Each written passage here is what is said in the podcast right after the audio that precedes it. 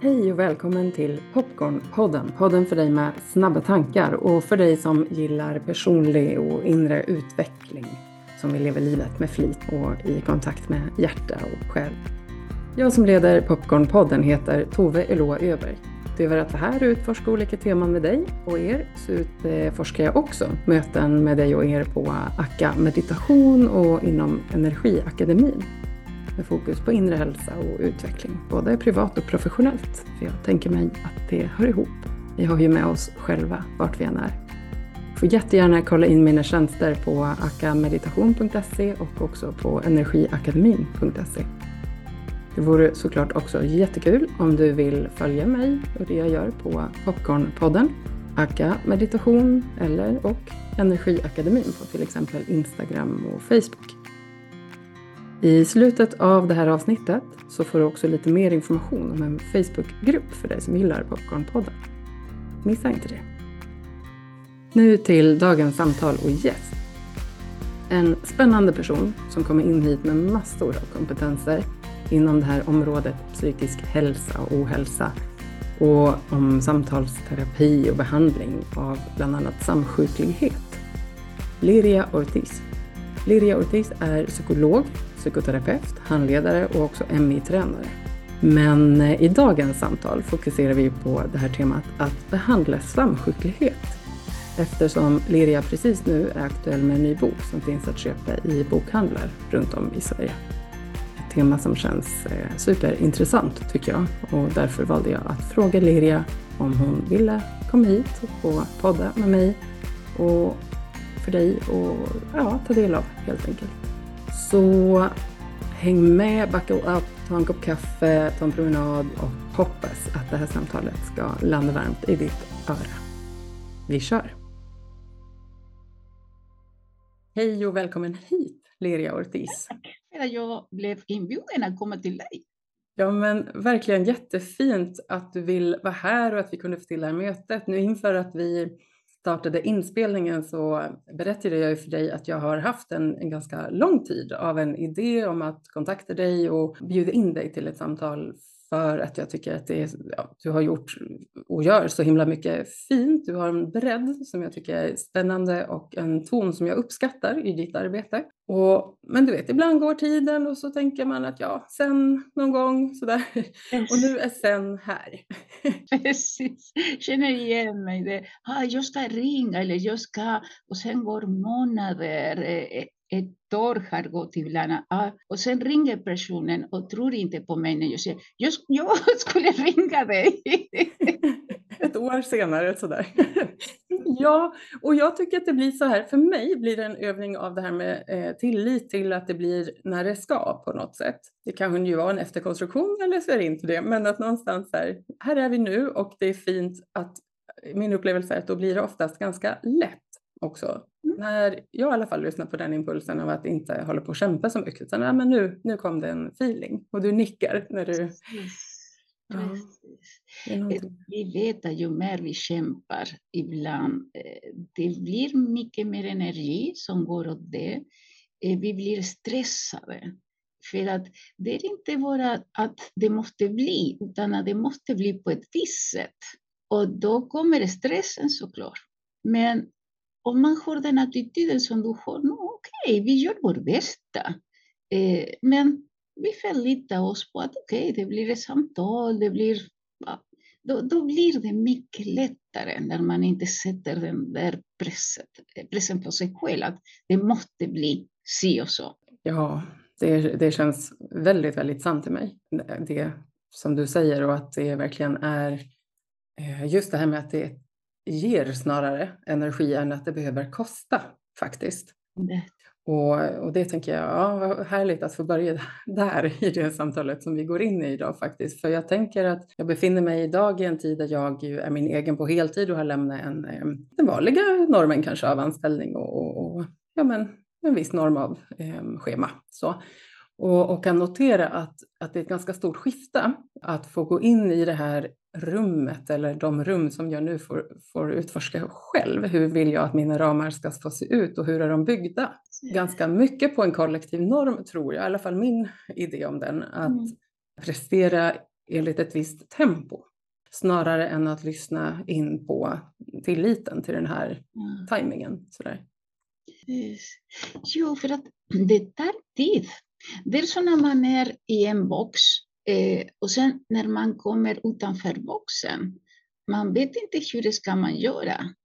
Okej, okay, eh, nu har jag min frihet, men hur ska jag hantera den? Och det är väldigt fascinerande för att det kan ta sin tid innan vi hittar våra egna ramar. Yes. Parera oss på det viset som passar oss. För att det du var inne på att prestera, vi är inpronta med att vi måste prestera. Vadå, ska du stanna hemma och inte göra någonting, tänker folk. Mm, mm. Ja, ja, ja. Exakt. Hur går det till? Får man det? Precis. Mm. Men, men, du måste och du måste och då kommer alla dessa råd som vi aldrig värmer någon. Yes, yes. Ja men verkligen. Och, och jag tycker att det är, det är en fantastisk sak att få utforska det faktiskt och vad frihet kan ge i um, ja, tillåta på något sätt att, att, just få utforska vad funkar för mig och dig utifrån olika behov. Olika tid i livet kanske, utifrån funktionsnedsättning, inte funktionsnedsättning och så vidare. Jag har själv ADHD till exempel och konstaterar att ja, men jag behöver vissa saker för att mitt liv ska lira på bästa sätt. Liksom. Det ger också vissa utmaningar såklart. Så där. Och struktur, hur behöver den vara? ja, men så där. Just att det kan ta lite tid och att det är föränderligt också. Så där som livet ju är. Precis. Precis, för att då måste du skapa dina egna ramar. Och att skapa ramar innan man vet vad det man behöver, det kan också vara lite förvirrande. Om man vet att ah, jag behöver den här, då det blir lite lättare. Men friheten gör också att man känner sig lite förvirrad ibland. Mm. Jag kan relatera till det alla gånger. Verkligen. Och just det där att det för mig inte upplevs så statiskt som jag har en fantasi om att det verkar finnas människor som har lite mer statiska eh, feeling än vad jag själv upplever. Men det kan ju också vara hittepå faktiskt, det vet jag inte. För mig är det sant att det är så, ska jag säga. och, och, att det är okej, okay. att, att vi får ju också ha olika Framför ja. aldrig, Tove. det är mm. okej. Okay. Det är okej okay och fint att det får vara så, visst. Ja. Och jag tänker för mig att det här nu vet ju jag vad vi har för idé i alla fall om att prata om eh, som tema idag och jag har nämnt i introt för er som lyssnar också att vi eh, har riktningen att behandla samsjuklighet. Så. Och jag tänker att du ska få berätta lite mer om, om dig och din bakgrund om du vill, men jag tänker just det här med för att knyta ihop det, för mig blir det verkligen så en brygga när vi pratar om frihet, energi, mm, kapacitet och tillgång till livet på något sätt. Att det blir någonstans det som jag har en idé om att, men att behandla samsjuklighet och få hjälp med utmaningarna som det betyder har ju faktiskt mm, möjligheten att ge tillbaka ganska mycket av frihet. Oh ja, oh ja. Om jag börjar med det här många gånger får jag frågan hur fick jag idén att skriva den här manualen? Och det var så att jag började som psykolog och gjorde något som heter Practitioners för psykologer. Mm. Och den här var för mer än 20 år sedan. No? Och, och då var jag på ett program som heter Metadonprogrammet. Det är för personer som har eh, brukat eh, heroin och det är en substitutionsbehandling. Och okej, okay, åren går, eh, jag gör andra saker senare. Och nu för ett år sedan började jag samarbeta med en läkare som ville att vi skulle skriva någon handbok för den här målgruppen. Och idag heter det för Laro. Och eh, Laro-programmet är samma målgrupp. Eh, personer som i stort sett har samskicklighet. Mm. Inte alla såklart, men de Och då blev jag jätteförvånad att ingen hade skrivit ännu någon behandlingsmanual. Vid samsjuklighet pratar man väldigt mycket om att samverka mellan olika aktörer, vilket är fantastiskt, det är himla mm. bra. Men hur behandlar man den här gruppen? Och jag fick veta att det fanns någon manual i Australien, och så, men jag fick inte tillgång till det. Eh, sen pratar man väldigt mycket om en jättestor eh, namn inom det här området, Muser. Men Muser, enligt jag, har inte skrivit en manual utan riktlinjer. Mm. Och då hände någonting som jag blev förbannad. Hey, yes. Det finns en kraft. Tusan kommer det säga ingen bla bla bla bla. Mm. Och det kom pandemi. Ja. Så det gjorde, möjliggjorde för mig på den tiden att skriva en manual. För att det är otroligt, eller det var otroligt krävande i och med att det är många ämnen som man måste ta in. Det är otroligt mycket forskning som man måste läsa sig på och så vidare. Så såklart, det kom i stunder som jag sa, Liria, varför? varför, varför? Och sen så hör jag att... Vad är det, du kunde ha tagit det lugnt, bla bla bla. Du vet, den där inre dialogen. Att, uh. mm -hmm. Men yes. okej, okay. när det blev färdigt, oh, tack och lov för att jag är en bis, eh, på gott och ont. Ja, ja, jag fattar att det kan vara... Fördelar människor också andra. Och då tänkte jag, nej, jag måste slutföra den här. Nej, jag måste. Och då till sist blev det så. Och jag är otroligt glad att kunna bidra på något sätt till att den här gruppen ska få behandling. Ja. För att förr i tiden det var inte så att de inte fick behandling, men inte specifikt för dem. Och, så, och samtidigt fick jag introducera nya saker som jag tror kan vara väldigt, väldigt hjälpsamma för den här klientgruppen och framförallt för behandlare. Mm. Behandlarna brottas väldigt mycket med vad är först? Är det först ADHD eller depression eller depression och sen beroende eller vad? Och det finns en, eh, vad ska man säga, någonting som heter transdiagnostik. Vad handlar det om? Det handlar om att istället för att gå in i varje diagnos, då tar du det som är gemensamt. Och när det handlar om samsjuklighet, det finns två diagnoser som är eh, ganska förekommande, depression och ångest. Och när det handlar om den delen som handlar om beroende, då det är väldigt mycket att man känner längtan efter att bruka substanser eller att spela eller, mm. och det finns gemensamma mekanismer med ångest. Det är inte exakt likadant, men mm. det finns gemensamma mekanismer. Och där tror jag det var väldigt befriande. Ja, jag kan eh, tänka mig det och ana det när du berättar verkligen. Och jag tänker att jag, dels utifrån att jag utbildar i första hjälpen till psykisk hälsa och när vi ehm, där också konstaterar att, att eh, substansbrukssyndrom och depression och ångesttillstånd är ju liksom de tre vanligaste statistiskt eh, sjukdomarna i, Sverige, säkert i många andra länder med. Men att vi tenderar väl ganska ofta att ha som stuprör emellan det.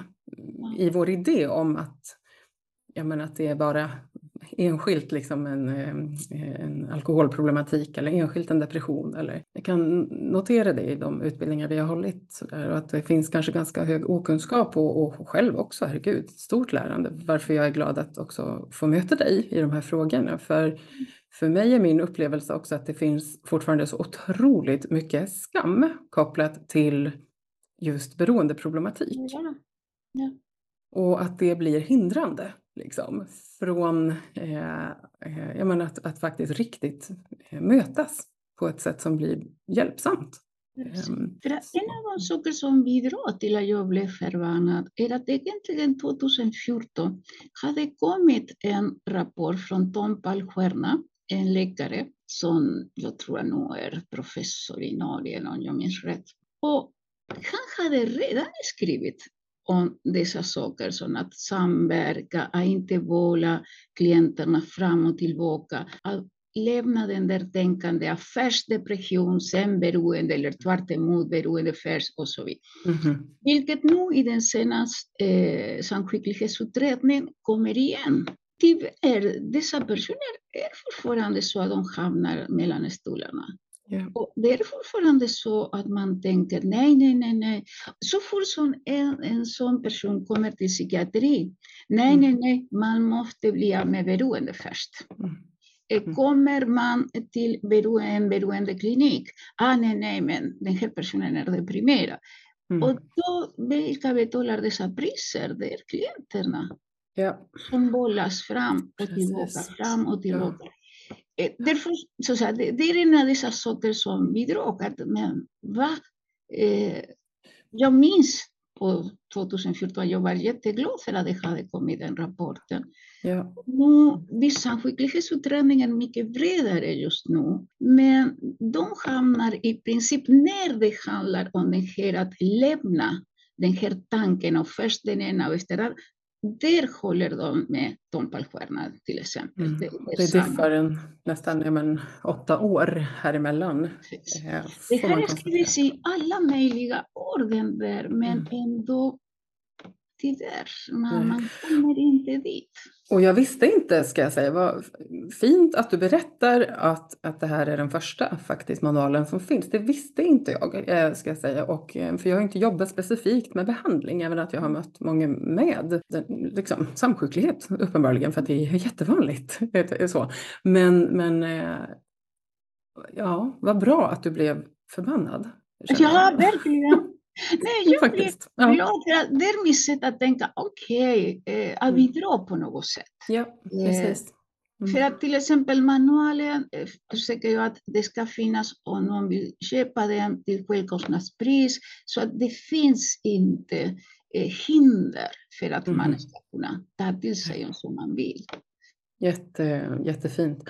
Och du, jag tänker, jag, ehm, inför att vi ses idag eh, så har jag kollat lite faktiskt på en föreläsning som låg på Youtube och jag kan rekommendera den verkligen till er som lyssnar också. Den är från i våras nu, 2022 också, där du beskriver en del om de här, vad är nytt liksom, mm. i, och, och, det du fångar upp kring att arbeta med samsjuklighet. Och jag, skulle vi kunna eh, ta lite liksom, steg för steg kring det?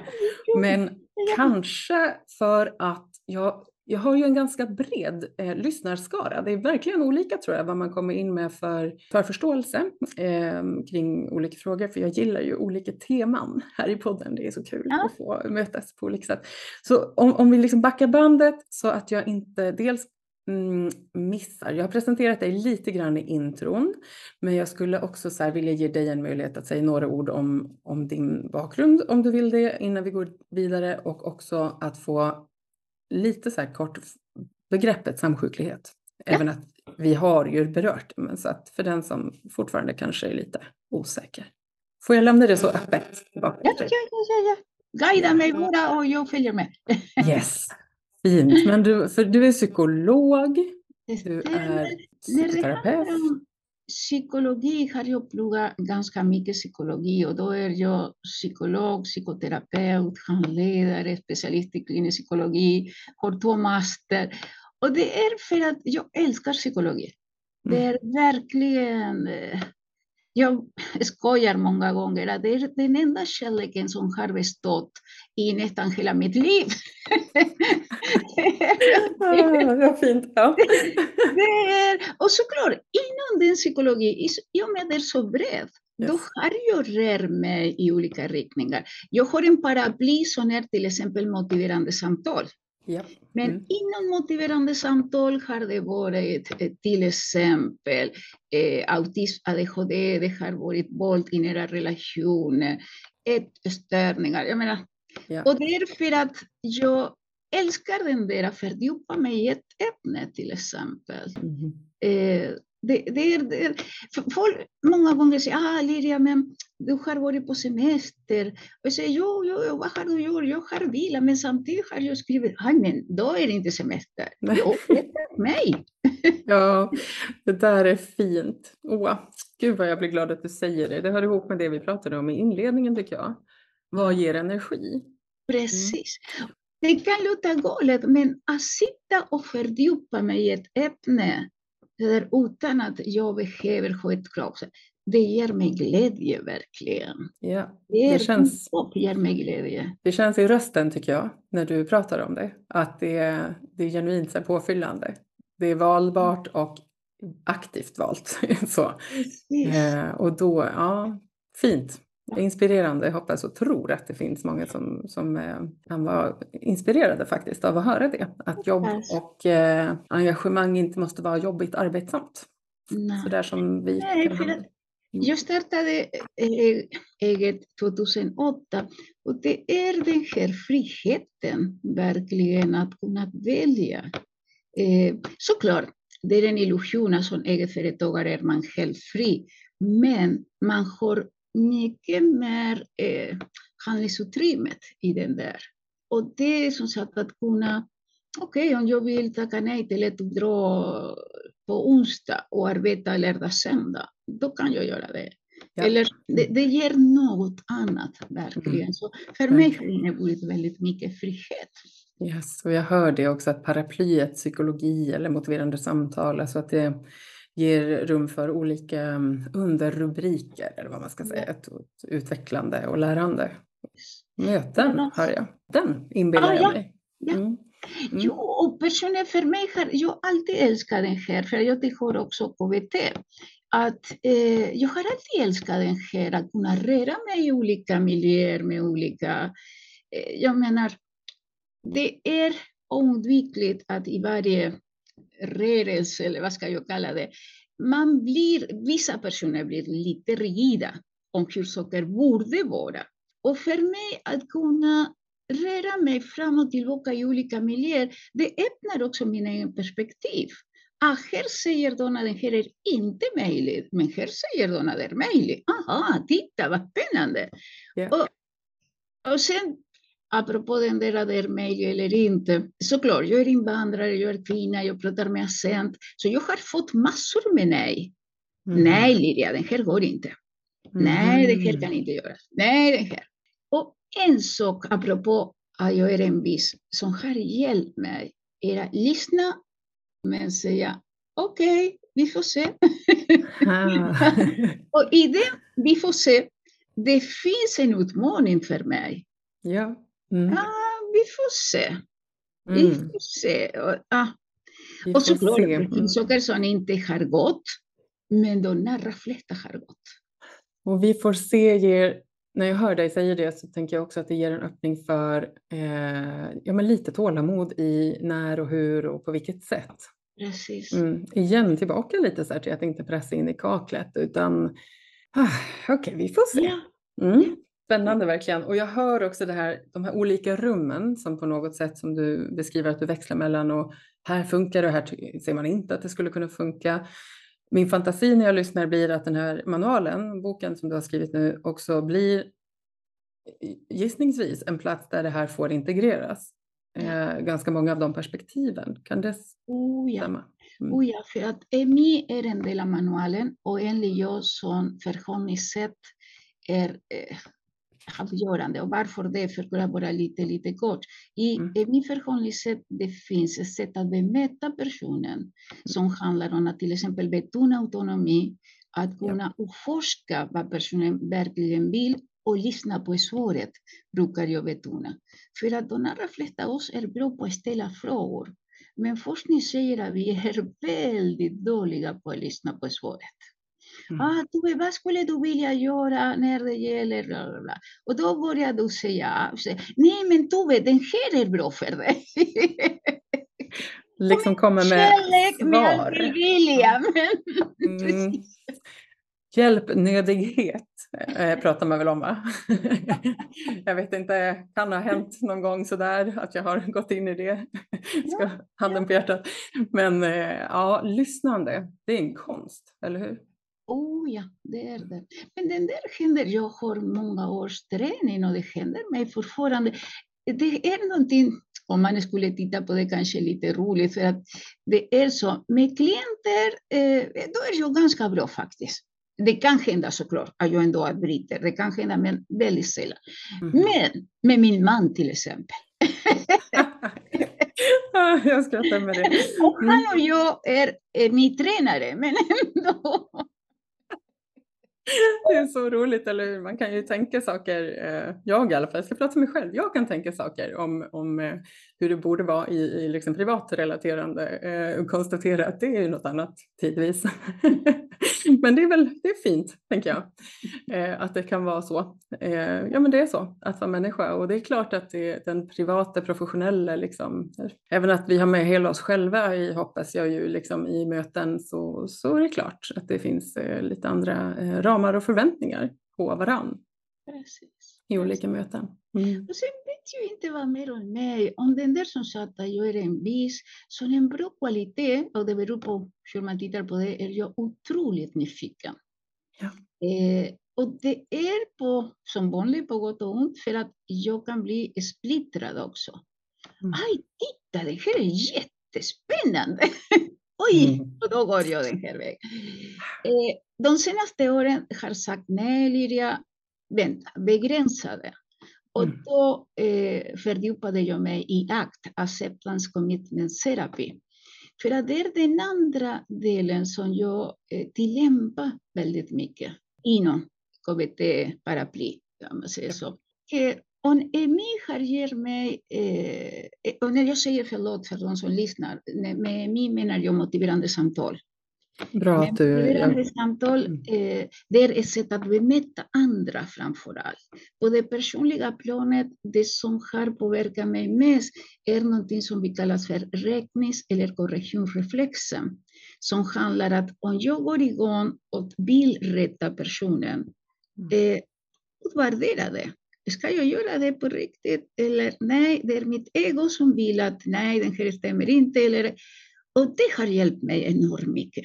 Att inte alltid sådär, det kan hända en gång, men i den mån som det går att inte göra det, för att det väcker motstånd. Men med akt, det var mest den där att göra en skillnad mellan smärta, den psykiska smärta och lidande. Och att jo, den psykiska smärta tillhör livet. Vi kan inte komma undan. Men lidande är någonting som vi bidrar att skapa. Och hur? Jo, på det här viset att till exempel, om jag känner mig sårad och lägger till, du är dum för att du är sårad. Det skapar lidande. Men det är någonting som jag bidrar med.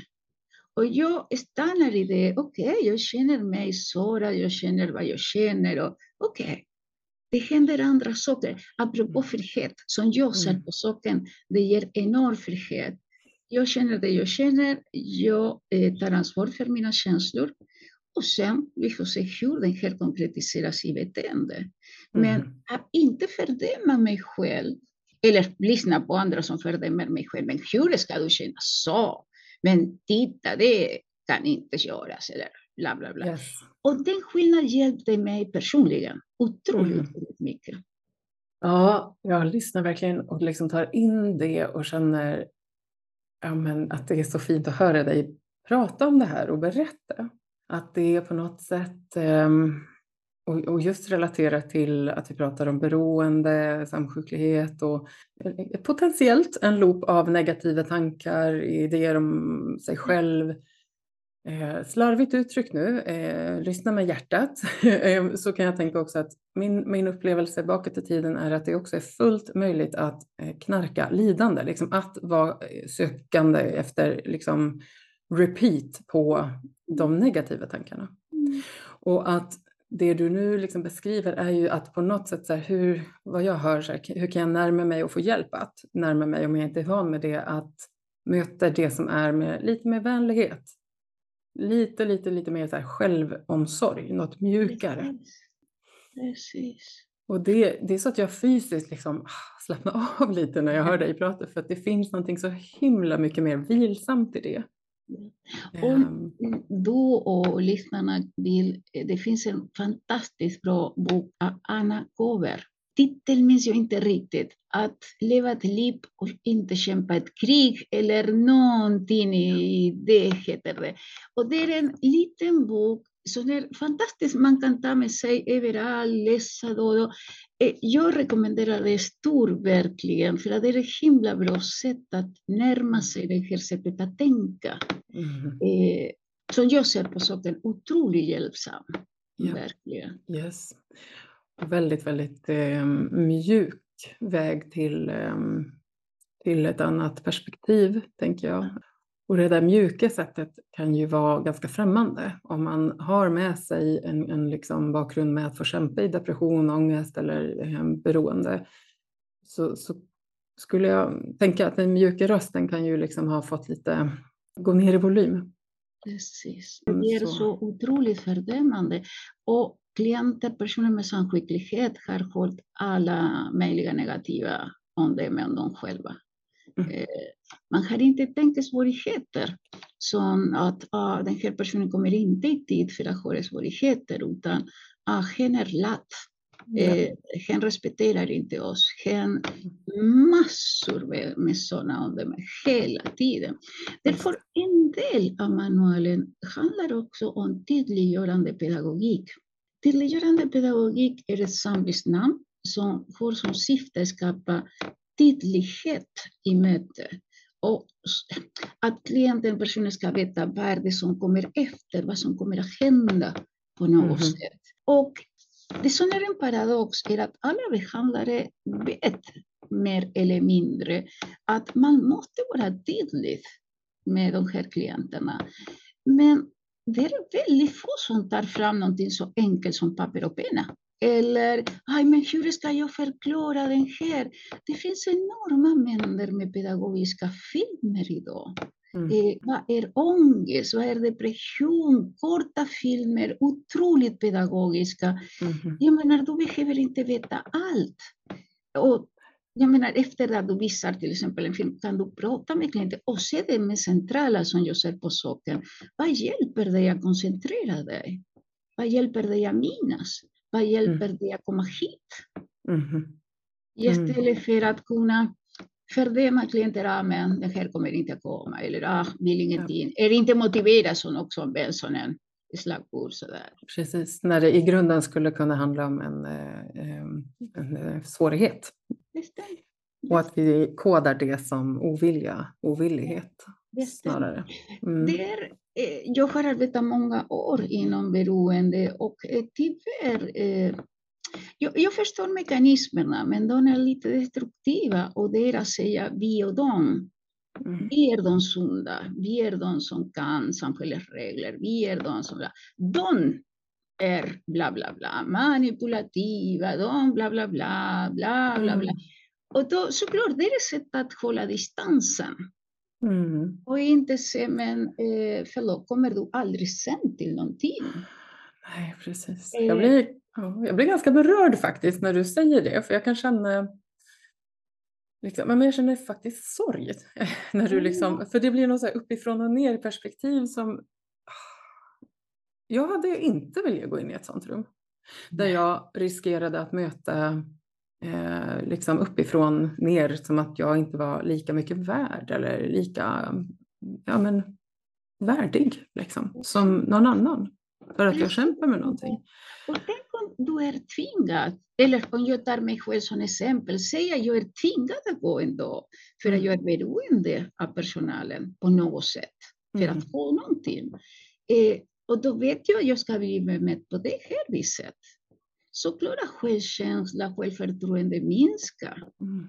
Och eh, tyvärr ibland eh, vi människor internaliserar, tar in det de andra säger om oss själva. Ja. Så det är väldigt tufft för dem också. Mm. Och jag, jag, vet inte, många gånger personalen säger att ja, de ljuger. Men, ah, och de vill att klienterna ska vara ärliga.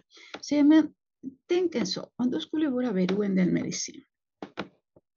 Och du kommer till mig, men du vet att om du berättar att ah, ja, jag har tagit också tabletter och bla bla bla. Då blir du utskriven Mm. Skulle du inte ljuga för mig med han i hjärtat? Ja. Mm. Jag menar, det är ja. Och liksom att översätta det till något som skulle kunna vara möjligt att relatera till för den här behandlaren eller den i profession på något sätt. Det, det jag hör dig säga, mm, tror jag. Mm. Jag försäker. För att om de kan ha en upplevelse att det är inte våra, våra klienter, mm. har samma beteende men i en annan kontext med ett annat syfte. Eh, jag menar, vi gör vad vi kan för att överleva. Mm. Och samtidigt forskning visar, vi ljuger som tusan. Jag minns inte siffrorna just nu, men det är synd att jag inte kan komma ihåg just nu, men det är enorma siffror. Eh, mängder med vita lekner, små lekner hela dagen. Så intressant! Det här behöver vi ju prata mer om också. Alltså, gud vad intressant. Och då blir min fråga så här, nyfiket, så här, fattar vi själva då att vi ljuger? Eller är det liksom så där, ja, men omedvetna? Det, ehm. det verkar, forskning säger om det är till exempel någonting som jag har gjort och jag har misslyckats, då tendensen är att säga det är Toves fel, det är samhällets fel, det är någon annans fel. Ja. Men om mm. jag har gjort det och har lyckats, då det är jag som mm. har gjort någonting bra. Så. Och den här är, apropå din fråga, medveten, omedveten. Egentligen mm. är vi medvetna, mm. men kanske räknar vi inte det som lögner. För I och med att jag hittar en förklaring att Youtube, den här gick inte så bra, men egentligen om du hade inte sagt, om du hade inte gjort, eller om samhället bla bla bla, mm. då hade mm. det mm. inte hänt. Och då behöver jag inte ta ansvar för det. Men häng med mig på den här reflektionen. Det kanske frågar så här, om det är så du menar. Eller, för, för mig så landar det också så här att om jag har misslyckats med någonting och skulle vilja lägga det på att det var ditt fel. Så där. Fast jag egentligen vet att jag har del i eh, vår konflikt till exempel. Det kanske var jag som var eh, utlösande faktor. Skulle jag, jag smakar på det här lite, um, jag tänker skam igen. Om jag någonstans genuint känner i mig att jag vet att du inte kommer döma mig, eller i alla fall trycker ner mig mer, om jag eh, äger min del, skulle det då kunna vara lättare för mig att ta min del? Oh ja, det är en väldigt, väldigt klok reflektion, Tove. Det är precis så. Ja. varför man försöker ursäkta sitt beteende? För att den andra kommer att säga, ah, det var som jag sa, eller du är en dålig person, eller du tar mm. dåliga beslut. Eller, mm. Men om man blir bemött, okej, okay, det var ett misstag. Okej, okay, du mm. tänkte inte efter, eller då, man, man stannar där, att vi kan ta dåliga beslut, vi kan ja. göra misstag utan mm. att, att på något sätt sätter man en, vad ska man säga, en rubrik på oss. Liria, mm. du är dum i huvudet, hur kunde mm. du tänka det? Ja. Istället, okej, okay, det var inte så okej, okay, men hur kan vi tänka mm. till framtiden, på vilket sätt? Då skammen och framförallt villigheten att prata om det ökar, mm. som du var inne på. Mm, mm. Ja, ja, verkligen så spännande, alla de här nyanserna. Och någonting som också kommer upp i, det finns ju den här läkare, han väl i botten, Gabor Mati, eh, som jag ja, kan tipsa om honom för de som eh, är nyfikna, men som jobbar mycket med trauma också eh, och liksom relationen trauma-missbruk beroende. Eh, menar att man kan i princip inte utveckla, enligt honom i alla fall, liksom en, en beroendeproblematik utan att ha eh, svåra erfarenheter med sig på något sätt. Det är hans ingång på det. Liksom. kan man säkert tänka olika saker. Men han, det jag liksom får kontakt med det är just det här att, att ha kontakt, att vara i relation är eh, så liksom en stor bas av läkning som människa. Och när jag hör det här, liksom, att om jag skulle kunna få erkänna min del utan att du trycker ner mig och etiketterar mig som fel eller dum i huvudet, så har jag ju också fått hjälp att ha kvar kontakten. Jag är inte ensam och lämnad då. Ja. Vilket ju är per definition livshotande i vår evolution. Ja. att så här, vi vill inte vara lämnade utanför gruppen. Det är livsfarligt. Liksom. Ja. Och det ehm. har vi Tove ett motiverande samtal. Så när för mig för att skapa en relation, en kontakt, samarbete, hur man än vill kalla det. Såklart, jag är inte neutral när det handlar om motiverande samtal, men jag tycker verkligen att det är fantastiskt. Mm. Att det är någonting. För att styrkan där, man har kunnat konceptualisera väldigt mycket. Vad är vad? Mm. När vi säger... För att de allra flesta gånger när man pratar om den delen, de mjuka delarna som man kallar ibland, då det är som det är väldigt abstrakt. Mm. Jo, vi alla vet att en bra kontakt är avgörande. Men då, det är lite abstrakt, lite... Men motiverande samtal har lyckats konceptualisera det och beskriva. Vad är det här? Vad måste vi göra på något sätt? Och sen såklart, det finns, och det är det styrkar också mig, att det finns nyanser. Det är inte ja. så att du måste säga samma sak till varje person, utan det är ditt sätt att agera som är centralt. Att du till exempel tenderar att inte ge råd om personen inte vill ha dem. Tenderar att betona att personen kan välja Mm. Eh, och när det inte är så för att personen ska gå i fängelse eller någonting annat. Vet du, nej, det stämmer när det handlar om de här ramarna kan du inte välja. Men mm. när det mhm. handlar om den här kan du välja. Sätta mm. förhålla sig och så vidare. Och så vidare. Mm. så det är inte så att vi måste säga samma sak hela tiden. Men den där skapan är jättestark. Eh, jag gillar mest ordet samarbete än allians. För att allians är mer terapeutiskt som jag ser på saken. Mm. och det finns många, eh, säkert många uh, lyssnare här att ja, de är inte terapeuter, men ändå kan man tänka sig att kunna använda sig av det här förhållningssättet med andra. Ja, vill jag säga på det. Ja, för någonstans just det där att även i på temat privat professionellt, även i, i privata relationer, så min upplevelse eh, senaste åren är vad det fördjupar kontakt i, i mötet med partner, vän, barn. Att liksom lyssna utan att ge råd som du säger eller så fråga, vill du ha en kommentar ens? Det är inte givet. Liksom. Att få vara i fred med det som är utan att behöva fixa så himla mycket. Det är ganska härligt liksom, att få bli mött i det. Och när du säger det, du vet, jag vet att om några av dina lyssnare är föräldrar, de kommer att protestera i fjol. Vadå, om det är mitt barn måste jag säga till. Mm. Det stämmer, det måste du, men det beror alltid på hur du säger det du säger. Precis. För att om du först eh, frågar eh, en tonåring till exempel, okej, okay, hur kommer det sig att den här rummet ser ut så här? Eh, ja, men jag har inte mm. tid. Nej, men såklart, nu kommer jag säga massor med saker. Okej, okay. då skulle jag vilja att vi hittar en kompromiss. Men jag är din förälder, så såklart sätter jag ramar. Du kan inom en vecka städa rummet som du vill, i den rytmen som du vill. Men, och på något sätt, den där att vara förälder innebär att man alltid, såklart i vissa avseenden, ibland måste man sätta sig, nej, den här går inte. Men mm Många gånger fokuserar vi på det hemska som kan hända om jag inte säger till min tonåring, du ska. Vi glömmer vardagslivet, att inte alltid är tvång och inte allt som tonåringar gör är dåligt. Eller, och då sagt, det, nej, jag skojar lite med det, men jag vet att föräldrarna protesterar. Ja, fast ja, väldigt gud ja. Kraftigt, väldigt kan, snabbt. Nej, äh, verkligen. Jag har ju ännu inte fått så, så uh, tonårig uh, son, men han är ju på väg ditåt, så det kanske är så att jag om inte annat behöver höra precis det där. Tack i förskott. det, det var bra, uh, jag, jag kan ana. Det, man kan nog behöva höra de här sakerna. Jag behöver det i alla fall från lite olika håll och, och kanter och olika sätt och, och timing. Liksom. Det är verkligen någonting med det. Sen bara ah, definitionen av samskicklighet, Tove. Yes. Eh, som jag hade tappat bort.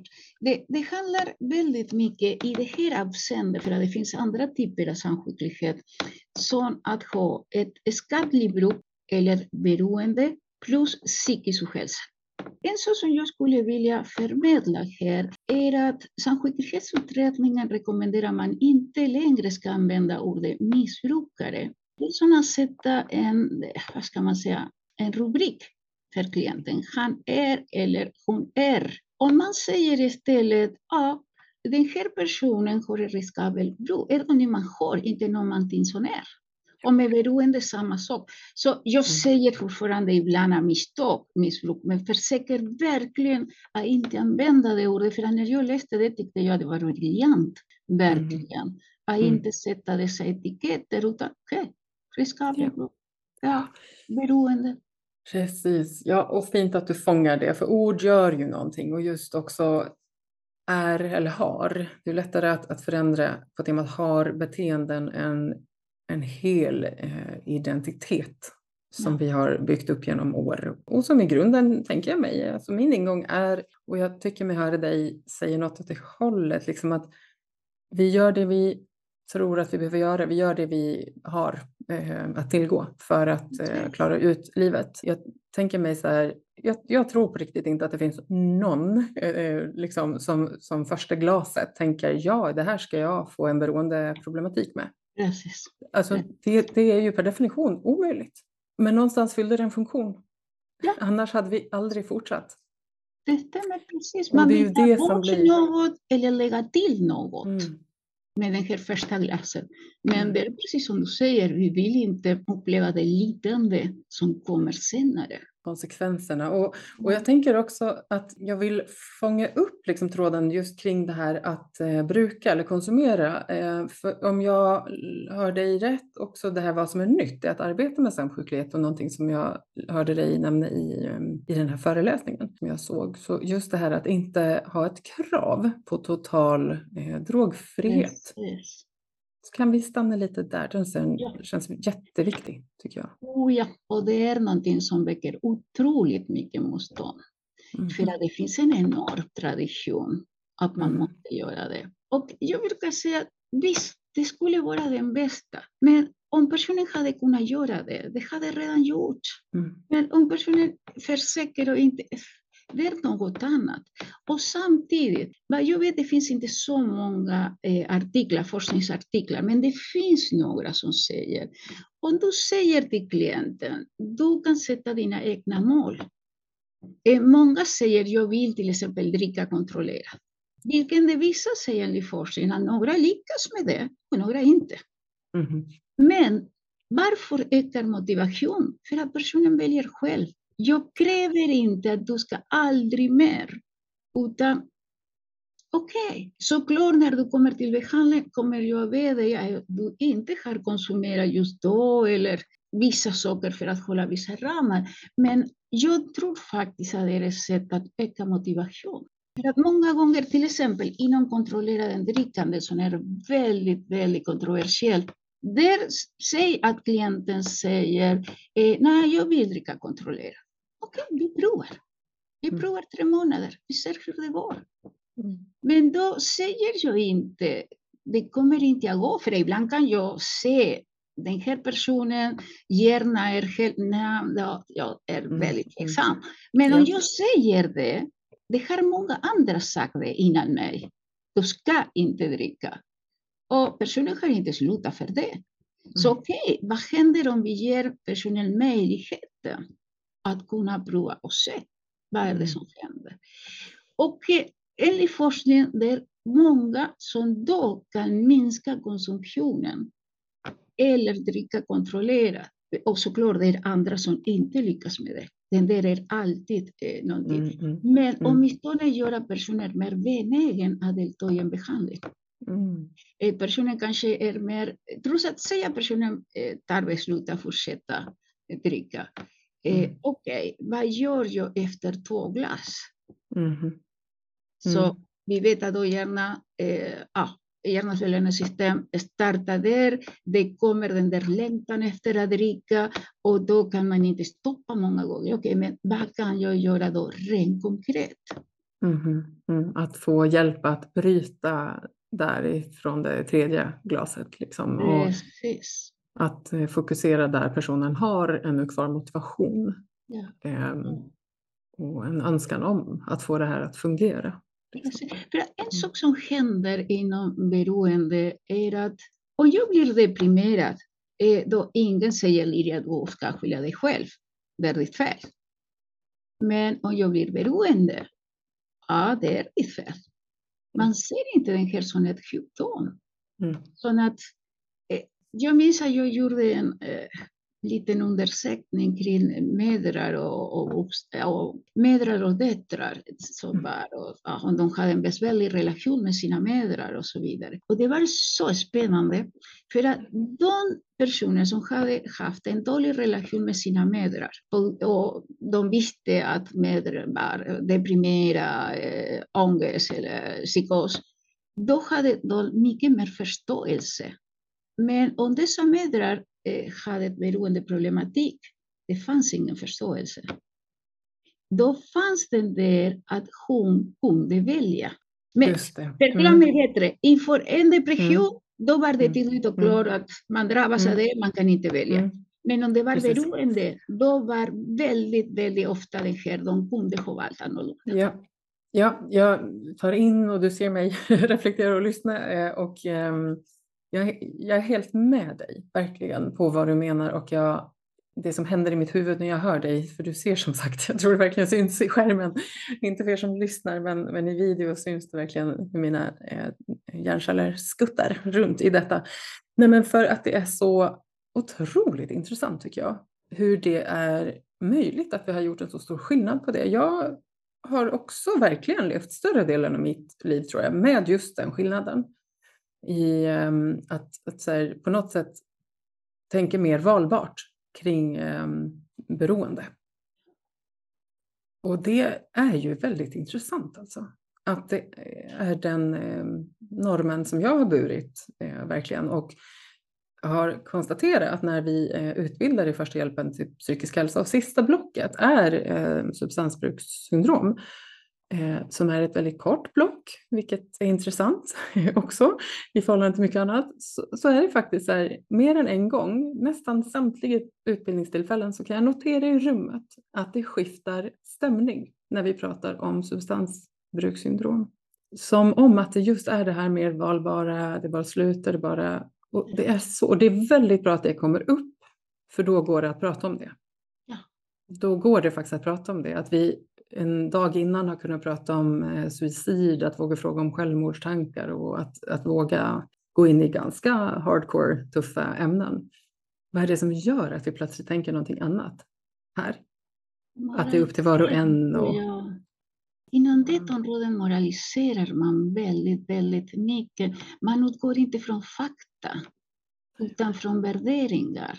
Det är mm. dåligt och då den som dricker droger eller spelar är en dålig person. Mm. Och såklart det är ingen som säger det så tydligt som jag säger det nu. Men det finns, om man börjar lyssna på vad de säger, ja. det finns där. Och det som du var inne på, du, ja, personen kunde ha valt annorlunda. Mm. Personen kunde ha gjort annorlunda och så vidare. Och då är frågetecken. Man är inte fri från ansvar. Det är, men jag skulle säga kanske lite provokativt att eh, vid depression, man hör också, framförallt anhöriga till deprimerade personer, säger att ah, min anhörig vill inte söka hjälp. Så där har man ett ansvar också. Men vad ska man säga, det kollektiva tänkande, mm. Ser man inte det så? Det som funderingen i mig blir är varför på något sätt och vad är lösningen framför allt? Och, och min tanke i det är ju, och vet vi väl, frågetecken med min bild, det här med att ju mer kunskap vi har, desto lättare blir det också att skilja på eh, det här som eh, personliga egenskaper eller liksom karaktärsdrag och så här, lägga det på konkret men, sakfråga. Yes. Att så här funkar hjärnans eh, biologi, belöningssystemet. Liksom. Det är en grej. så det är inte helt eh, förhandlingsbart. Det är liksom en... Nej, men om det, vi... skulle komma dit, det skulle vara fantastiskt verkligen. Ja, jag tänker och jag hoppas och jag vill tro det verkligen. Att, att ni som lyssnar idag också kan i bästa fall så vet ni redan en del av det här, men om inte annat att vi får fortsätta att lära, för det är ett konstant lärande och att hjälpas åt och ge ringar på vattnet, tänker jag. Um... Jo, ett tips kan vara samskicklighetsutredningen. Och jag mm. vet att det är jätte, det är 500 någonting sidor. Men om ni vill läsa den första delen där de eh, definierar samskicklighet, den där med skadlig bruk och beroende, det är bara tre, fyra sidor. Och mm. eh, utredningen kan laddas ner eh, helt kostnadsfritt på nätet kan kanske länka till den när vi ja, gärna, ehm, gärna. skriver. Det är två mm. eh, sidor. Så, jag tycker personligen, jag skulle rekommendera varmt den där, mm. för att den är väldigt klargörande. Jättespännande. Tack för tips. Jag har ännu inte läst det själv, eh, så det är fint att du också påminner om att den här finns. Det är så mycket spännande att läsa. Eh, ja. det. Jag tänker av respekt till liksom din manual och bok som du har skrivit, men också av tiden idag, så att jag får liksom på något sätt sammanfatta eller koppla tillbaka. För dels det vi nu liksom har pratat om som en viktig sak är det här med att inte ha ett krav på absolut drogfrihet. Även att jag hör dig säga att ja, man kan ändå ha en önskan om att när du kommer till det här mötet så önskar jag att du inte har använt. Liksom. Du har pratat om det här med transdiagnostiskt förhållningssätt och vad jag hör, liksom, dels de här stöd för hur kan vi underlätta för en person att komma till, till vårt möte, till sitt möte, håller fokus i mötet, underlätta på olika sätt att få vara på plats och kunna ta till sig den informationen. Och i filmen också, föreläsningen pratar du en hel del om bildstöd, jätteintressant, jättefint. Eh, jag tänkte på det då, hur gör man det i podd? ja, det gör man inte jättebra, men du som vill kan också läsa text kopplat till det här sen. Jag hör liksom den här tydliggörandet och också förståelsen för sig själv, mer kunskap och att det kan göra ganska mycket för en? Delvis har vi en session för att arbeta med känslor och skam och skuld. Men delvis också det går som en röd tråd att jo, du har svårigheter. Men det innebär inte att du är en fel person eller är ond. Eller, för att förstå mig rätt, jag tror att det finns onda personer, det tror jag. Men eh, det är inte fallet med de allra flesta. Mm. Utan vi gör misstag, vi har dåliga eller beteende som har väldigt dåliga konsekvenser för oss och för andra. Men det handlar inte om det. Och sen, eh, du var inne på avrunda. Den sista som är nytt utifrån den här manualen är att hemogifterna ska göras tillsammans med personen. Mm. Manualen består av 22 sektioner, men egentligen det är 11 för att det sägs sektion 1 och sen gör man hemogifterna i, från sektion 1 i sektion 2. Sen mm. kommer någonting nytt i sektion 3 och i sektion 4 gör man hemogifterna. Mm. Tillsammans, tillsammans? Live tillsammans, precis. För att det är en jätte, egentligen det är ett jättestort problem överallt, det här med hemogifter. Men den här klientgruppen, där, jag tror att det kan bidra att de inte faller bort från behandlingen.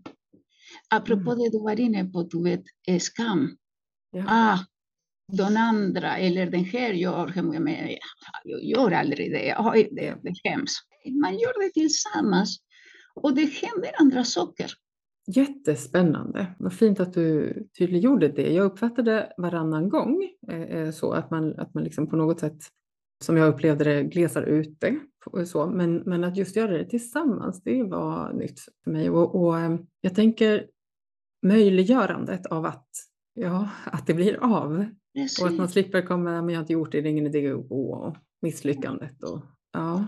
Men när jag skrev, skulle skriva den där delen med hemogifter, då började jag skriva som vanligt sådär. Sen tänkte jag, vänta, vänta, vänta, Liria, Liria, Liria. Och då kom akt i mina tankar. Gör inte mer av det som inte fungerar. Du yes. vet att det är jätte... Så vad kan man göra annorlunda? Och det, det är dessa saker som ibland får jag parkera för att kommer inte på någonting i stunden. Men sen visst att de kan göra det tillsammans. Det låter så enkelt. Men det var inte, jag menar, jag själv var inom mina normer. Att hemogifter måste göras på egen hand. Att gå emot den normen var, aha, kan man göra så? Aha, men varför mm. inte? Mm. Okej, okay, vi mm. provar åtminstone mm. att göra det på ett annat sätt. Ja, vi får se liksom. Hur det, det är lite den, så här, vi får se hur det här går. Och det verkar ju, ja, men, och jag tänker också att det finns, om jag hör dig rätt, så, så det, det här sättet att arbeta går ju, gissar jag då, att göra liksom både individuellt och i grupp. Visst. Mm. Och jag tänker även att det blir individuellt så har du då också en person som sitter med och håller space, att du håller ett rum att göra det här i. Om vi då jag bara går till min egen ADHD, att ha en eh, buddy. Liksom. Jag sorterar tvätt lättare om jag har någon hemma. När jag sorterar tvätt kan jag berätta. det är verkligen exakt en sån grej att ja, men det blir liksom gjort andra saker. Ja. Um, och man har utmaningar ibland. Uh, träningskompis har väl många relaterat till. Det är ju svårare att avboka uh, gympasset om du har någon som väntar. Det är ju exakt samma psykologi plus att här det här jobbar man också så att man delar då om hemuppgiften eller liksom berättar lite för varandra och så? Att det är mm, ja, en igenkänning. Precis, och försöker mm. man anpassa. Eh, jag brukar säga att om det är en session som handlar om tankar så klart att hemuppgifterna ska handla om tankar. Men mm. hur får klienten bestämma? Mm. För annars, det är återigen, om, det inte, om personen känner att ah, den här passar inte mig, då såklart minskar sannolikheten. Och en jättespännande sak som det kommer att ske idag. Jag hade handledning, jag minns inte, igår eller förrgår, minns inte Och då det var en av de handledare som använde sig av manualen som sa, jo, det var en klient som egentligen sa att han, för honom det skulle vara bättre att lyssna på, eh, för att det finns en arbetsbok. Tänkte, aha, Ja, det mm. skulle vara himla bra. Men den första ordet som kom till mig, pengar. Jättedyrt.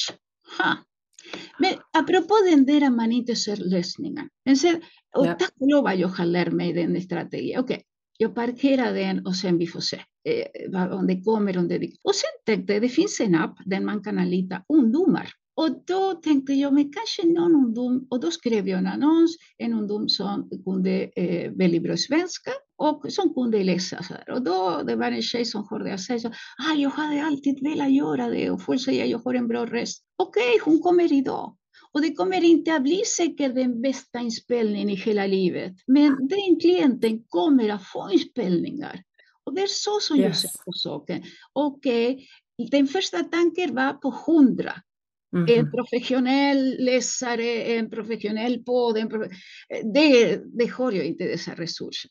Mm -hmm. Och om vi minskar kraven och ja. åtminstone att personen får det jag vet inte. Ja, det ja. gör mig oerhört glad att ah, nästa gång kommer jag kunna säga nu har vi den inspelningen. Nu finns det. Ja, och jag, åh, det är så fint. Det är så fint också i en tid där det skulle kunna vara lätt eh, att, att gå in i perfektion. och att det ska vara, ja men perfektion liksom är ordet faktiskt. Och idén om att det måste vara på ett visst sätt för att det ska vara kvalitativt eller liksom det med det sjunde. Herregud, jag tänker tänk om det här till och med är ännu bättre då. så här, framförallt så blir det av och det ger värde och gåva till någon som behöver. Ja. Prio ett. Liksom. Det. Mm. Verkligen. Verkligen. För att, kanske någonting som har hjälpt mig är att jag skrev i tio år på Dagens Nyheter och svarade på läsarnas frågor. Och så blir man får kritik. Mm. Första gången fick jag panik, pratade med redaktören. Så, vad gör jag? Vad gör? Liria, du kommer att få kritik. Och det är upp till dig om du vill börja försvara dig varje gång eller inte.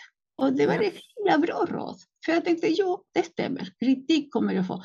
Och då har det blivit mycket lättare. Och förstå mig rätt, det är inte så jag älskar att få kritik. Nej, inte det lilla minsta.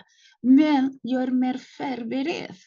Yes. Och han lär mig mera att göra den skillnad. När är det en kritik som jag kan lära mig någonting av? Eller den kritiken pratar mer om den här personen. Mm. Och då jag lyssnar inte på det. Eller, det kan göra ont ändå såklart, det, det, det vill jag betona. Men det, mm. det har en annan inverkan på mig. Och, därför, och det här har hjälpt mig med perfektionism, eller mot perfektionismen. För att det har varit, okej, okay, jag är fullt medveten, det här kommer inte att bli eh, sådär perfekt. Det är säkert några kommer att kritisera och säga nej, den rösten eller mm. no, någon kritik kommer att komma. Men samtidigt den där glädjen att kunna ge det som den här personen och säkert andra behöver. Kanske mm. lyssna mer yeah. än att läsa. Yes, jätte, jätte, jättefint. Och det är så fint för mig, rent personligen när jag hör dig, så växte också den här glädjen av igenkänning eh, och, och liksom, ja men det blir vilsamt för mig att höra dig faktiskt. Det här är en fråga som verkligen är återkommande för mig att jobba med och en av mina lösningar på eh, att inte gå in för mycket i perfektion är just att inte ge mig själv ens möjligheten att förbereda podd till exempel. Att vägra manus, att eh, trycka rec och inte ha en idé om tema vissa gånger. Och jag ska handen på hjärtat säga att det finns väldigt många gånger där jag tänkte så här, gud jag kan inte publicera det här, alltså egna monologer. Och jag har haft mer än en gång lust att ta bort det. Uh, så. och så bara, nej fast det är inte min sak att vara domare på det. Det är inte min sak. Där är det om någonting ganska självcentrerat av mig och håller på med det där i en evighet. Så där. Mm ah, att andas igenom det sådär. Så det är så fint för, ja, någonstans, hmm, eh, jag tror att det som händer för mig blir den här idén om att andra inte håller på så här. Att du som... Ja, ah, precis. Alla andra är mycket bättre än jag. Ja, gud, det är så fint att bara få det så här tydligt svart på vitt, bara så här, stopp. Ja. Mm.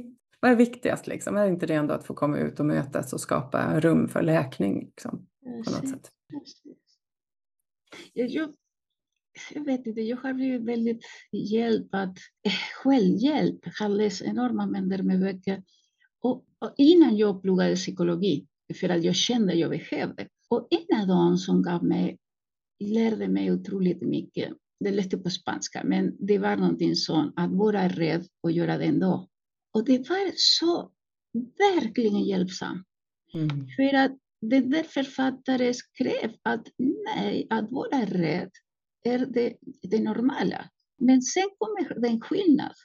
Yes. Kommer du att göra det med rädslan eller kommer du att låta dig hindra rädslan? Och sen var det var wow! Wow! wow! Yes. Det, oh, det hjälpte mig så enormt mycket oh. verkligen att tänka så. Okej, okay, jag har rädsla. Mm. Och det paradoxala är att akt eh, säger ungefär samma sak. Att det, men akt lägger till värderingar. Mm. Att varför gör jag den här är jobbigt? Ah, för att det är viktigt för mig på grund av att. Det mm. fanns inte i den boken, men som sagt för mig var det fantastiskt bra. Ja, men eh, på något sätt så har jag det som att rädslan kan vara bränsle också. Ja, men det här finns någonting som är viktigt. Ja. Eh, mm, sårbart kanske rent av. Ja, precis. Eh, desto större anledning att få utforska och, att få, få våga hitta mod i, i det. Liksom. Precis, och inte sträva att ta bort den. Den mm. får vara där. Såklart inte till den grad att jag blir paralyserad. Men jo, att jag kommer att bli rädd, jag kommer att bli osäker, jag kommer att... Jo, och ändå. Och sen ja, den och... som du använder, du vet förbereda sig såklart för att inte lämna allt åt slumpen. Men Precis. Att inte kräva att ah, när jag slutar vara rädd, då kommer jag göra bla bla bla. Mm, exakt. För det är någonstans den, det gränssnittet. Precis, det är fint att du också fångar den tråden. Men, och jag tänker att beroende på, på till exempel dig som lyssnar så kan det ju vara den som tänker, ja men jag måste ju förbereda mig. Och ja men det är ju helt rimligt att sen då till någon grad förberedelse i trygghet och, och liksom kvalitet kanske. Men, men för, för mig, och jag tror många av oss skulle kunna, gissar jag, relatera till att det kan gå lite för långt med förberedelser och att, vi, att det kostar mer energi än vad det gav tillbaka. Och vad skulle vara det värsta som kan hända då? Liksom? Att det blir lite halvdåligt, jaha, Ja, precis. Ja, kommer att bli kritiserad. Ja, Okej, och vad är det värsta som kan hända då? Mm. Ja, mm. du kommer att må lite dåligt. Och vad ja. är det värsta med det? Och så fortsätter vi. Och det är så när ibland, och det tillämpar jag med mig själv, att ibland eh, när jag tillämpar det på mig själv hamnar jag i väldigt absurda situationer. Ah, nu har jag sagt någonting fel och då var den bästa. Och då hamnar jag den bästa är att ingen kommer att lita mig aldrig mer i livet. Mm. Okej okay, Lydia, Fine, det är din känsla. Jag repeterar, men hur sannolik är det för att ja. du har sagt någonting fel? Ja. Ja, det är inte så sannolikt. Okay. Precis. Och tänk om vi dessutom kan få skifta efter en liten stund är det där till vad är det bästa som skulle kunna hända då? Ja. Det gör mm. jag aldrig, så tack för det. Alltså, jag, med, med stor respekt för att det kanske inte är det som är eh, första nyfikenheten när vi är i full volym oro. För då ska vi inte kanske ha tid och, och, och ro att utforska nyfiket. Ju, då ska vi mest eh, hålla på med det där loopen. Men om vi så här kan ta stöd av varandra, någon vi litar på, så, så skulle det ju så småningom kunna vara möjligt så här, vad kan hända här för någonting?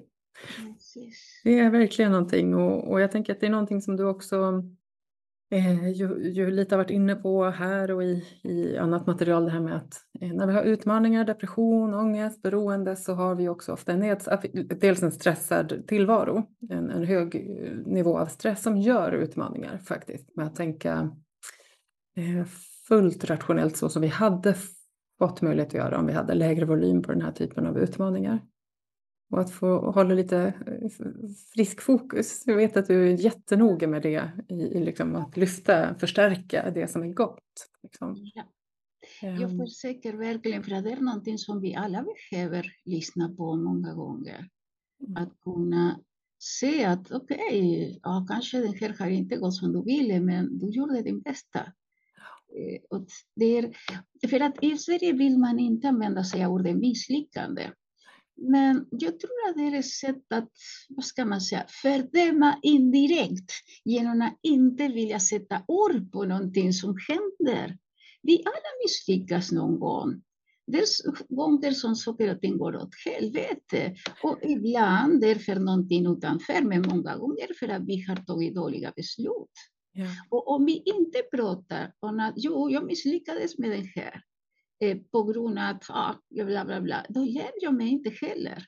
Mm. Och samtidigt, eh, det här kommer från en annan eh, del som handlar om eh, uthållighet och grit och allt det där. Att om vi inte eh, misslyckas, vi lär oss inte att vara uthålliga med det som är viktigt för oss. Att det ingår. Mm. Det är som när man lär sig cykla, man ramlar några gånger. Och det är en del. Men föräldrarna är så måna hela tiden att nej, nej, nej, men det här egentligen var inte någon musika, det här var bla, bla, bla. Nej, det, jo, det gick inte som mm. du hade tänkt dig. Vad har du lärt dig av det? Och, och det är smärta, återigen, är en del av livet. Vi kan inte fly eller vi kan, men då kan vi hamna i droger, alkohol, något beteende som inte behöver vara med substanser som gör att vi inte har någon kontakt med våra känslor. Ja, och jag ler när jag lyssnar på dig, alltså för att det får en association. Jag måste få dela det. Alltså, gud. Det finns ju på Netflix ett, eh, en svensk tv-serie eller serie som heter eh, Kärlek och anarki.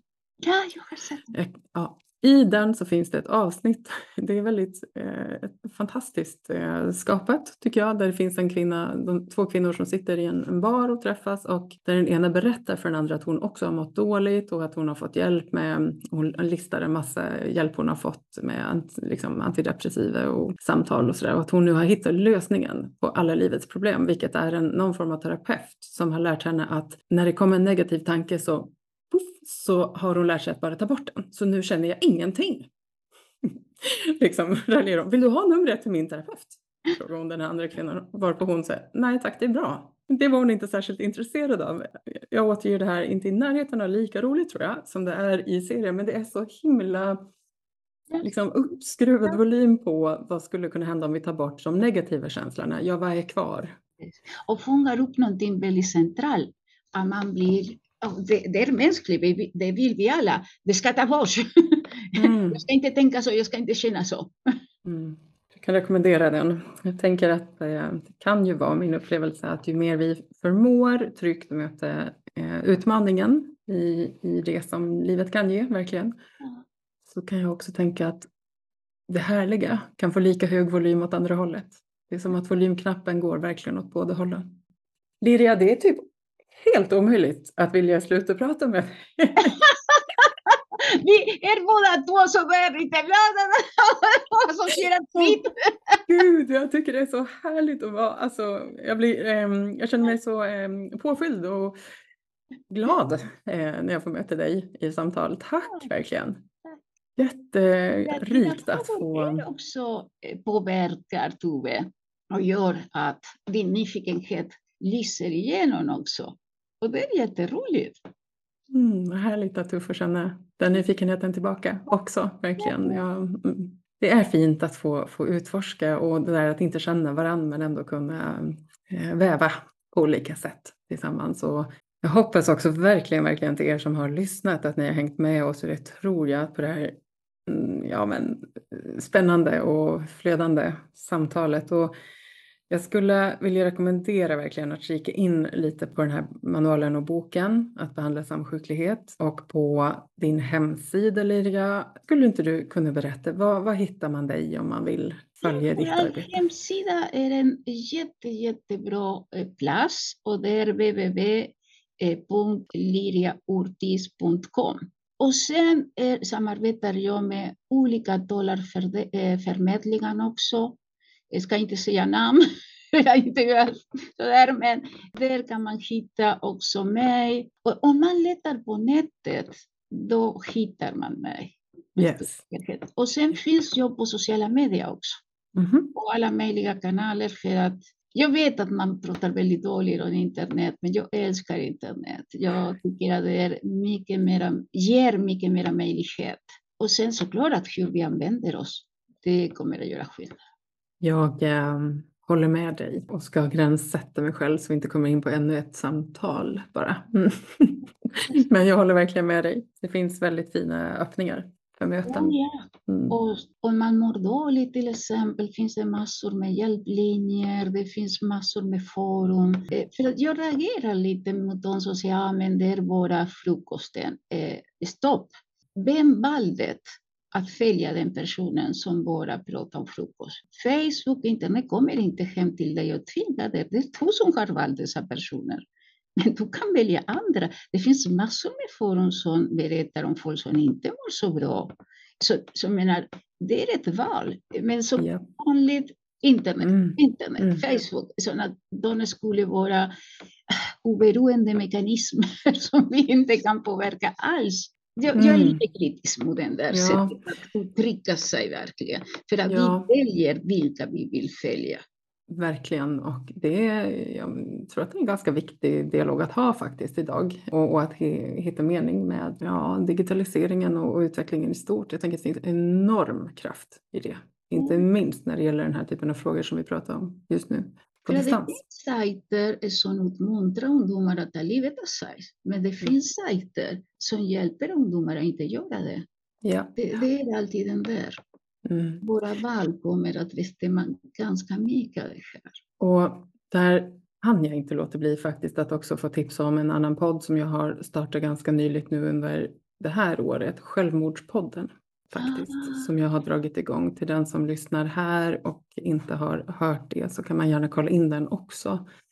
Eh, den är verkligen i sin linda men syftar till ökad kunskap och strategier tidigare och så inom närtid så kommer det också nya avsnitt med frågor från niondeklassare som jag träffade innan sommaren med deras frågor. Så på temat att det finns forum för eh, andra perspektiv. Visst. Samtidigt mår man dåligt om det finns många eh, hjälplinjer. De, mm. de kan inte bota psykisk ohälsa men de är himla bra på att lyssna. Har du några som du brukar rekommendera särskilt? Jo, men jag är lite jävig för att jag har handlett dem. Den ena är självmordslinje. Eh, den andra är djurhovande med människa. Sen ja. är det brist men Röda Korset har det. Nu finns det en hjälplinje för flyktingar till exempel, mm. som driver den hjälp.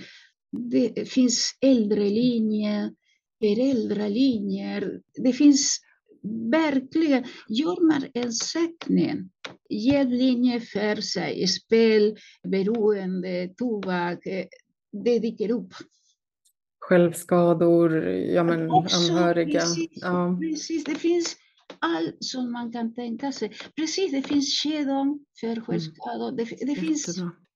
Gör en sökning verkligen om man vill prata med någon. För min erfarenhet är att hjälplinjer fungerar ibland som första kontakt. Någon person mår dåligt, har aldrig berättat för någon annan. Men i och med att man kan vara anonym, då pratar man med den här personen och man upptäcker det var inte så farligt. Jag går inte undan om jag börjar gråta. Den där känslan, jag kommer aldrig sluta. Ja, jag kommer sluta. Och så vidare och så vidare. På det viset är det en jättebra första mm. kontakt med någon som, som lyssnar på hur man känner och vad man känner. Väldigt, väldigt fint att eh, där du påminner om de kontaktvägarna som du säger, en googling på stödlinjer så kommer det upp. Jag tror 1177.se har också samlat lång rad. Olika regioner och kommuner kan också ha en hel del eh, bra. Och att hjälpas åt att sprida den här informationen. Man kan ju gärna också dela vidare länkar. Precis. Så att den som inte själv har tänkt tanken att söka den kan ändå ha bekantat sig med idén. Man kan också beställa visitkort från mind.se. Oh, ja, det kan man göra. Visst, gratis. Broschyrer, vad du vill. Det går ju att eh, strössla i någon brevlåda eller något om man vill. Och sen är man troende, det finns också djurhovande präster. Andra religioner, eh, vad jag vet finns det inte hjälplinjer men man kan kontakta en imam utifrån så den religionen ja. man har. Precis. Och min bild, jag har inte själv kontakt med jourhavande präst, men min bild genom år med samtal med människor är att många som har till exempel tagit stöd av diakoner eller präst utan att vara troende ändå upplever en jättefin förmåga till just de existentiella eh, samtalen om livet. Eh, och jourhavande präst når man väl, rätta mig om jag har fel, också via 112. Ja. Det går ju verkligen dygnet runt att få, få den vägen om man skulle ha behov. Precis. Mm. Jo, och som sagt, det är säkra rabbiner, imamer och har någon sorts tillgänglighet. Jag vet inte, offentligt har jag aldrig sett. Men Nej, inte jag heller, noterar jag. Att det, där har jag en eh, kunskapslucka på hur det ser ut. Det är inte de linjerna jag har sett heller. Men eh, om du som lyssnar har hört talas om det så kan du också jättegärna mejla och tipsa. Det vore ju fantastiskt. Då kan vi ju i våra rum där vi verkar eh, få ta med det vidare. Mm. Ja du Liria, viktiga frågor. Jag känner mig väldigt tacksam för att ha fått möta dig idag och att eh, min typ övertygelse är att det här gör skillnad, att det ger ringar på vattnet. Så det känns väldigt, väldigt meningsfullt för mig att vi får dela de här samtalen utöver glädjen i det, så också meningen på ett eh, ja, annat plan. Till de som inte lyssnar just nu så tror jag ändå att det når dem hoppas, för jag känner mig utfylld av det här samtalet med dig Tove. Så det var jätte, jättefint. Det väcker jättebra känslor hos mig. Gott, ömsesidigt verkligen. Och låt oss ta med de vibbarna ut i vår fredag och hoppas att ni som har lyssnat idag också får eh, bära med er något varmt härifrån, verkligen. Och hör jättegärna av er med kommentarer på det här samtalet och mötet. Det går bra att mejla oss båda. Följ oss gärna på Insta, Facebook och alla de här olika ställena. Eh, det kommer också finnas ett, ett blogginlägg kopplat till vårt samtal på popcornpodden.se och eh, lite länktips därifrån till det vi har pratat om. Liria, stort tack för idag. Procenta själv Tove, det var jättebra. Och jättestora hälsningar också till lyssnare. Hoppas att ni har det bra. Och kom ihåg, om någon av er mår dåligt, kontakta som första steget en hjälplinje. De finns där, de hjälper. Väldigt fint avslutande viktiga ord. Tack snälla till dig som har lyssnat och fortsatt fin dag till dig och helg eller vad det nu är som du är på väg in i. Tack för att du lyssnade på det här avsnittet av Popcornpodden. Jättefint att ha dig med. Som du kanske minns ifrån början av samtalet så är du varmt välkommen att också gå med i eh, den nya Facebookgruppen Popcorntankar. Och eh, genom att bege dig dit så hjälps du tillsammans med mig åt att bygga upp en, eh, en ny mötesplats för dig och oss som gillar att mötas i de här rummen och med de här temana som vi har fått eh, utforska här idag till exempel. Sök på Popcorn-tankar på Facebook. Och kom ihåg också att gå in på popcornpodden.se för att där läsa ett eh, blogginlägg relaterat till det här avsnittet med Yrja Ortiz. Ta hand om dig!